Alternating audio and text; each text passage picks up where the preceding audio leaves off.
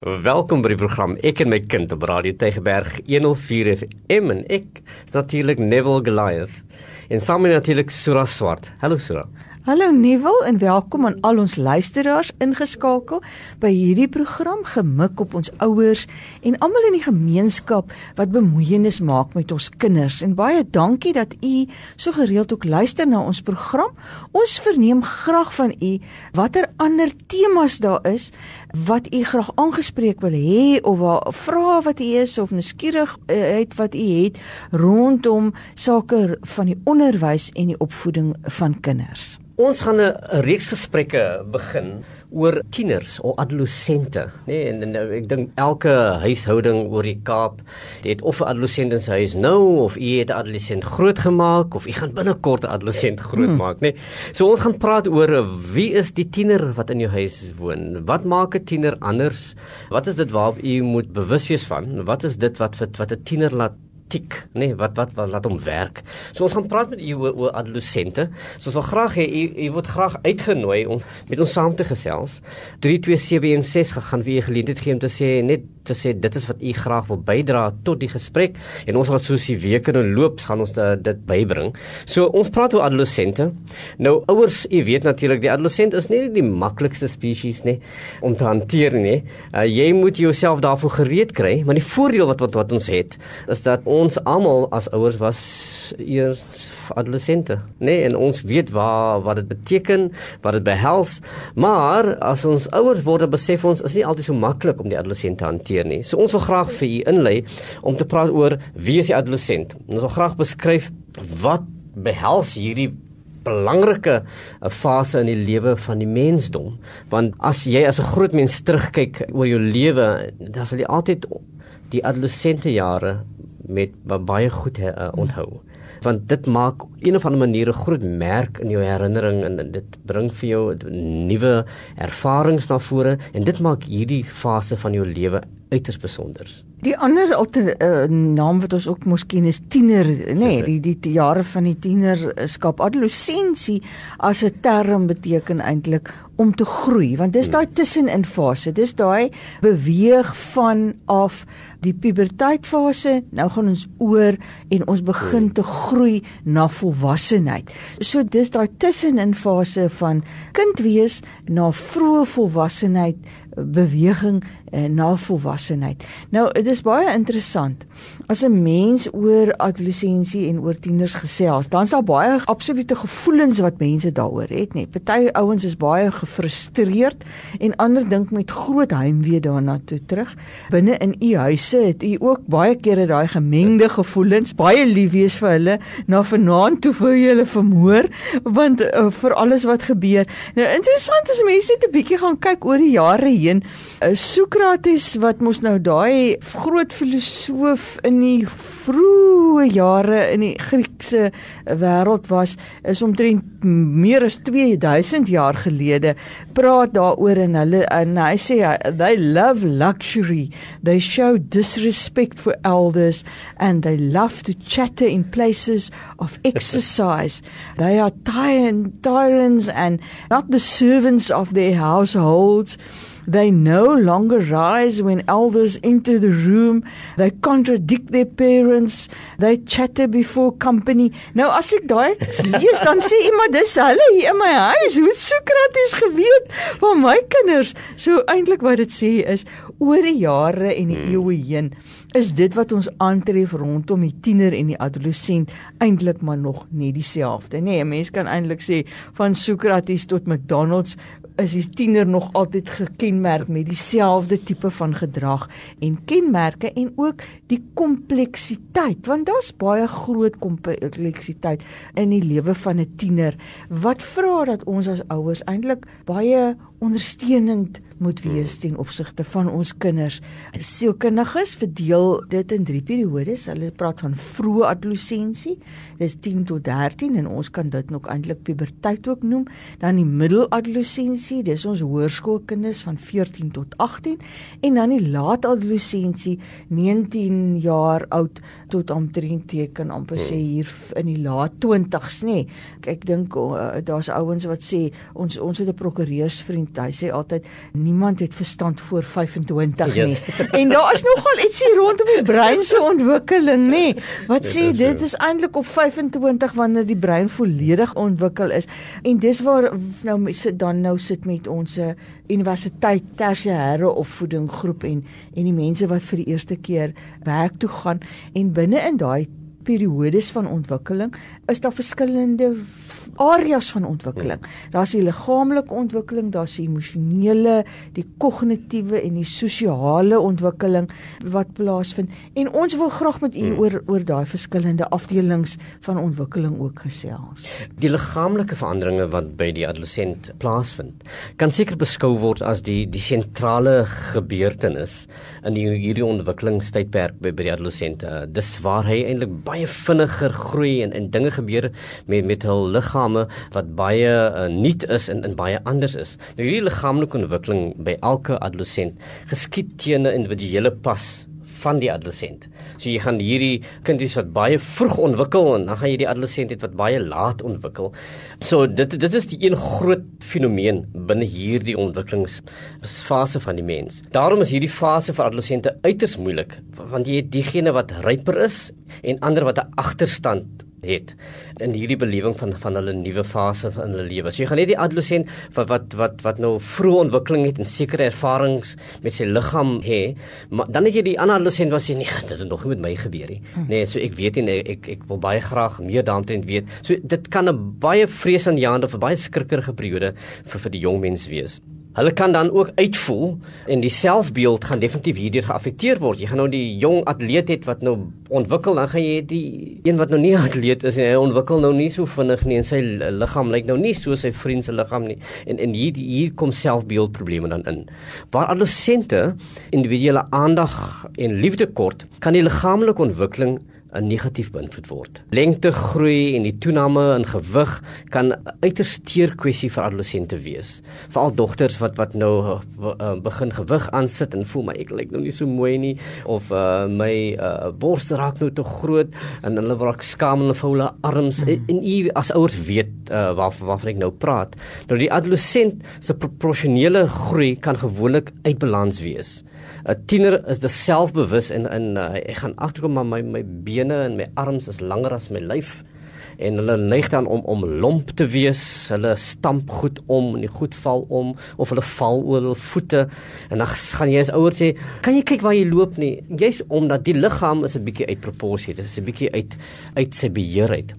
Gelukkig gaan die hierdie periode eintlik baie gou verby en dan kom die hormone nê nee, en en dit is een van die ander dinge wat wat ook nuut is vir die adolescent om te beleef. En jy moet weet vir die adolescent wat wat met sy hormone gekonfronteer word is dit uiters moeiliker baie keer vir eers ouer wat wat wat toe kyk en sien hoe die adolescent dit hanteer. Gelukkig gaan die periode met die adolescent wees vir 'n ruk en hy hier is waar hy vertroud raak met sy met sy liggaam en met sy emosies, met met hoe hy na die wêreld kyk. Kennismaking met hierdie nuwe verandering in die liggaam is aan die een kant uiters opwindend en aan die ander kant kan dit eintlik baie frustrerend wees. Die verandering in stemhoogte, vra maar vir my, ek was 'n seun en jy het gesing in die in die in die koor en jy steed fit en skielik besef jy jy kan nie meer in die steed fit sing nie want jou stem doen nie meer wat wat jy altyd gedoen het nie. En hierdie issue gaan gaan 'n groot ding wees vir vir adolessente veral vir seuns wat dan nou hierdie nagtelike saadstorting het nê. Hierdie wet dreams is vir hulle 'n baie moeilike ding baie keer om te hanteer. Om van hulle wakker word in die oggend en dan skaam is hieroor so hierdie liggaamlike ontwikkeling het sterk invloed op die emosionele ontwikkeling van van die kind van, hmm. van die tiener waar ons oor 'n later tyd gaan ons baie uh, in dieper hieroor gesels. Hmm. Die kognitiewe ontwikkeling uh, het natuurlik uh, te kamp of of te doen met die verandering in die adolessens se manier van dink en redeneer hmm. en begrip vir dinge en dit kan eintlik nog baie meer dramaties wees as die fisiese en die emosionele veranderinge want hier wat hier plaasvind in die kognitiewe ontwikkeling is daai oorgang van die konkrete na die abstrakte denkvermoë. Hulle raak bewus van die oorsaak en die gevolgbeginsel en hulle kan dan in logiese terme begin redeneer en dan wil hulle mos graag redeneer. Nee, as hulle nou eers kan agterkom dat dit is iets wat bestaan. So hulle redeneer graag oor hipotetiese stellings en metaforiese terme waaroor hulle gesprek voer, argumentasie, allerlei argumente, net omdat hulle dit kan doen. Nee, gaan hulle in 'n argument in en hier sal by die huis weet die redes wat jy nou begin moet verskaf. Hoekom is dit so? Verduidelik dit vir my. En dan begin hulle daai teenargumente wat jou bloeddruk sommer laat styg. Hulle maak baie kere sommer vinnige afleidings. Ons sien dat in terme van die van die kognitiewe ontwikkel daar ook 'n selfgesentreerdheid is. Fout vind met volwassenes. Uh goed wat jy nog al die jare doen is ewe skielik net nie goed genoeg nie. Dit word bevraagteken. Hoekom doen ons dinge so en nie anderste nie? En dan die dramaties oor goed wees, nê. Nee, ek dink dis 'n kenmerk nogal van die adolescent dat daar is eintlik baie min middeweë by hulle. Dis alles of verskriklik erg of nee. verskriklik sleg, nê. Nee, dit is gaan baie goed met my of dit gaan baie sleg met my. En alles kan in 'n half in dramatiese terme uitgedruk word en dis alles deel van daai fase van ontwikkeling wat wat ons by die adolescent aantref. Nou dit is waar waar die die adolescent tussen die extreme beweeg so dan hy is op 'n kontinuum skielik is hy op totale hoogte. Hy's on 'n high en en hy's totaal entoesiasties en, en môre is hy totaal in 'n laagte en dan dan lê hy daar op die bed en sy sê net nie lus vir die wêreld hmm. en dis mos vir waar hierdie hormone ding met die brein sukkel, ja, né? En ja. waar die adolescent dan voel maar maar uh, ek het 'n goeie dag vandag nie. So adolescent kyk baie keer na na na die wêreld deur hierdie hormone, deur die liggaam, deur die emosies. Nou ouers neig om tieners se gedrag te beskryf baie keer wanneer hulle so word, nê, veral in negatiewe terme, bloot vanuit hul probleem om dit te kan hanteer. As jy nou sien maar my kind is baie moeilik, dan sê ek jy is maar vol nonsens en, en ons beskryf hulle in hierdie negatiewe terme. Nou beskrywings soos moeilik of uitdagend, hardkoppig, uh, disrespectful soos wat Sokrates gesê het, nê, terugpraterig, ontkennend ten opsigte van gevolge of hierdie alwetendheid waarna jy verwys het, so. Nou hierdie beskrywing hou nou verband met die tiener se kognitiewe ontwikkeling. Nou nou die ouers se hantering hiervan behoort nie van aanvaarding te wees nie, maar eerder om 'n sinvolle diskurs te hê. Want jy sien jou logiese reaksie op jou tiener se gemoed gaan eintlik belangrik wees vir jou tiener om hierdie gemoedstoestand vir hulle te kan hanteer. Hmm. So so jy, jy moet op 'n normale manier praat, maar met dien verstande dat die adolescent bevind hom of haarself in 'n baie moeilike fase van hul lewe. So hulle sien dit so omdat hulle geprogrammeer is om dit so te sien hmm. op, op daai stadium van hulle ontwikkeling. Uh so u as ouer moet moet weet dat hierdie fase van hulle is normaal vir hom in te wees, maar normaliteit gaan geskep en gevorm word deur u respons as ouer die leefwêreld van die tiener plaas baie druk op sy ontwikkelingsproses, nê. Nee, dis daai wat jy gesê het, nie wil ook die vergelyking mm. want dis nou in die fase wat die kind mos nou moet by sy eie identiteit uitkom.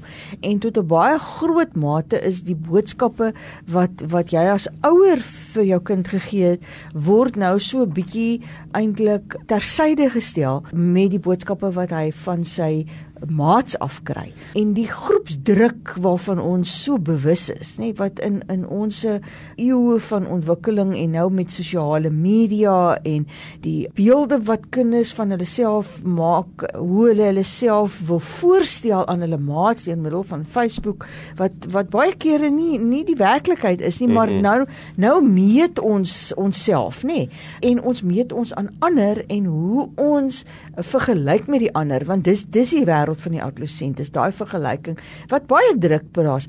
Hulle hulle word gekonfronteer met sulke goeders uh, soos alkohol en dwelmmisbruik uh, wat binne die die groepsdruk verband en binne groepsverband is dit deel van hulle leefwêreld en en deel van hulle sosiale uh, ontwikkeling om ook dan nou aanvaarding te kry op 'n sosiale vlak. Hulle beleef druk ten opsigte van seksuele verhoudings en dit bring die gevaar mee dat daar seksueel oordraagbare siektes is wat kan ontwikkel, die hele bedreiging hmm. van HIV en vigs. Tienerdogters wat selfs in hierdie moderne eeu van baie kennis en die beskikbaarheid van baie inligting nog steeds gepootjie word deur 'n uh, 'n uh, vroeë swangerskap in hulle tienerjare en dan die sosiale en die emosionele ontwikkeling van die tiener uh, word baie nadelig hierdeur geaffekteer. Hierdie druk wat toegepas word en op hulle. So ons sien dan ook 'n toename in aggressiewe gedrag onder tieners wat baie verband hou met die portuuraanvaarding en en hulle sosiale vaardighede om dit wat in hulle lewensfase na vore kom te kan uh, hanteer. Dan weet ons almal ons het 'n kampe met klere drag wat net heeltemal verander, mm. kamers wat de mekaar is, uh musiek wat oordonderend is, nê, 'n uh, uitdrukking te gee aan myself en en, en tot 'n mate hierdie andersheid wat ek nou omtrent myself ervaar en wat ek nie altyd weet hoe om te hanteer nie. U rol as ouer is uiters belangrik.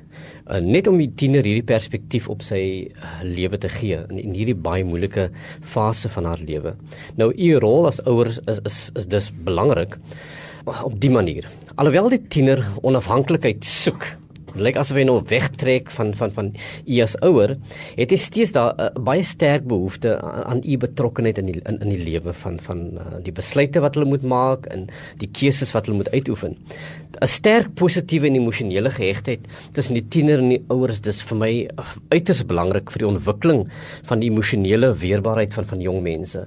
U as as ouer raak daardie thermostat in die kind se lewe net om vir die kind perspektief te gee op die hierdie emosionele situasies in sy lewe. 'n Baie ander 'n ander belangrike aspek natuurlik is die godsdienstige en die spirituele ankers wat belangrik is vir die ontwikkeling van betekenis in die adolessent, nê? Nee? Uh, betekenis is een van die groot uitdagings of doelwitte, die soeke wat 'n jong mens het. Wat is my betekenis? Hoekom is ek hier? Wat het ek moet wat is my my my my doel in die lewe? Nou godsdiens en spirituele praktyke is uiters belangrik om hierdie gesonde en betekenisvolle ontwikkeling by die jong mens te kan verseker.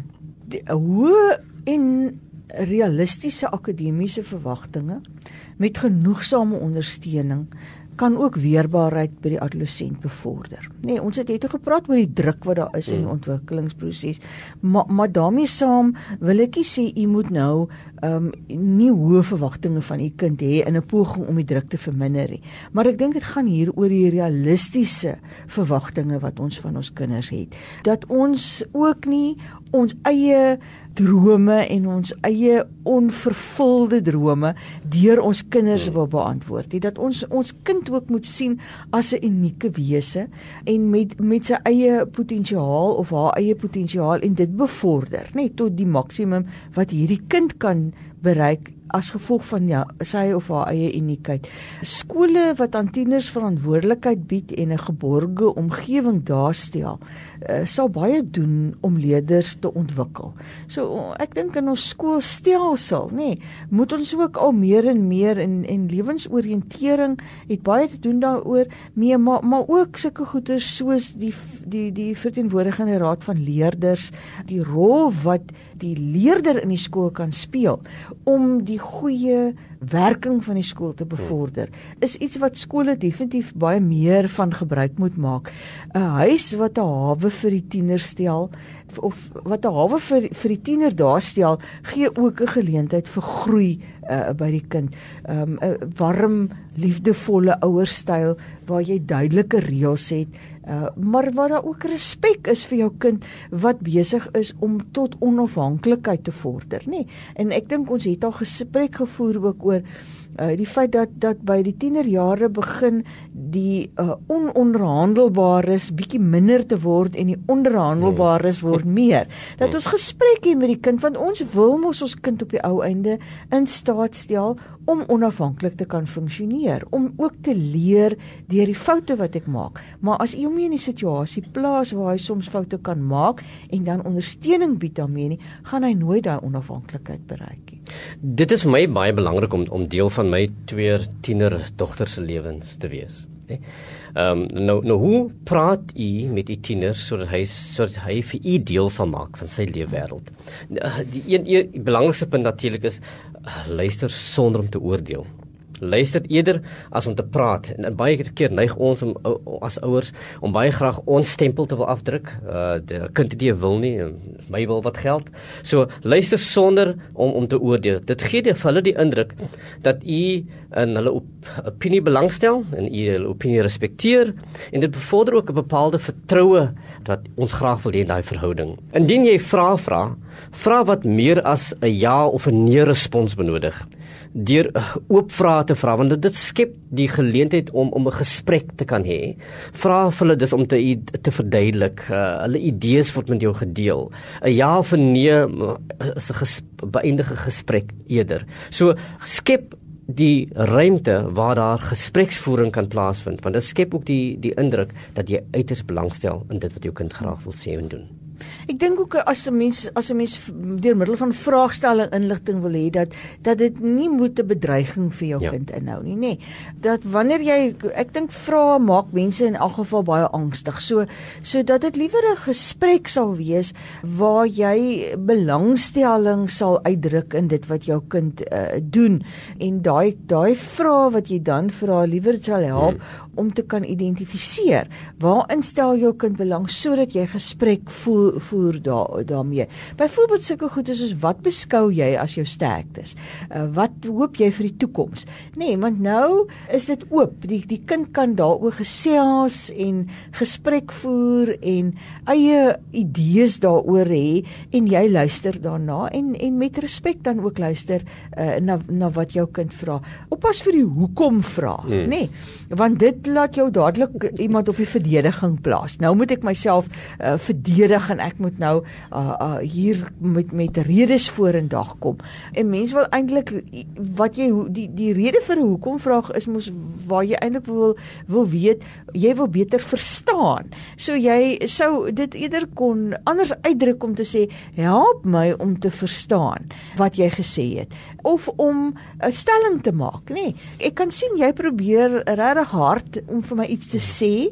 Kan jy net vir my 'n bietjie meer uitbrei of sê wat jy bedoel het met wat jy hmm. daar gesê het, nê. Nee, dan is dit het ons 'n oop gesprek en nie 'n vraag wat 'n verdediging van die van die aanhoorder ontlok nie. 'n Sterre adolescent bloot aan aan rasionele besluitnemingsstrategieë. Vertel hom hoe jy dinge hanteer het in die verlede. Ek adolessente is, is altyd stel altyd belang oor oor oor jou lewe as 'n adolessent self. En sê man, jy het dit so hanteer. Dit te gee vir hulle die die aanleiding dat dinge oukei okay is, dat dit wat hulle beleef normaal is en uh, as hulle na jou kyk as ouer besef hulle my pa of my ma het dit oorwin, so so hulle is uh, ek sal ook in staat wees om om dit te kan hanteer. Praat oor etiese en morele probleme wat aktuele waarde het. Die adolessent uh, neem graag deel in in gesprekke waar baie keer gesprekke waar hulle uh, nie veel van weet nie, maar hulle het 'n opinie. Hmm. So trek hulle na die gesprek in. Want dit gee hulle ook die die die vaardighede om uh, te kan redeneer oor uh, kwessies wat belangrik is in die lewe. Moenie se perspektief kritiseer nie. Vra liewer hoe ander moontlikhede daarmee verskil. Dan besef hy my opinie is nie die enigste nie. Daar is ander moontlikhede wat wat ook ek moet in ag moet neem. Hmm. Ouers, eintlik as ons alles in ag neem, is dit 'n groot vreugde om 'n tiener in jou ja. huis te hê, nê. Nee. Al is daar al hierdie ontwikkelingstake en hekkies waarmee jy gekonfronteer word uh, deur middel van hierdie tiener, maar as ouer kan jy 'n baie positiewe en 'n liefdevolle verhouding hê met jou kind en daai positiewe en liefdevolle verhouding beïnvloed eintlik jou kind in hierdie ontwikkelingsproses en beskerm hulle tot 'n groot hm. mate teen gevare wat daar buitekant op hulle wag. Die blootstelling wat ons kinders vandag kry, dit is baie moeilik om hulle daarteen regtig te beskerm. So dit moet gaan daaroor om hulle in staat te stel om dit te kan hanteer, om dit op 'n sinvolle manier te kan hanteer. En jy kan dit nie doen as jy gesprek voer, as jy 'n oop verhouding met jou kind het. As jy en jou kind jou kind jou vertrou omdat jy uh, die boodskap vir hom gee dat jy hom vertrou of haar vertrou en en glo in hulle moontlikhede. Sluit by ons volgende week aan, dan gesels ons verder oor die tiener wat in jou huis woon. Totsiens.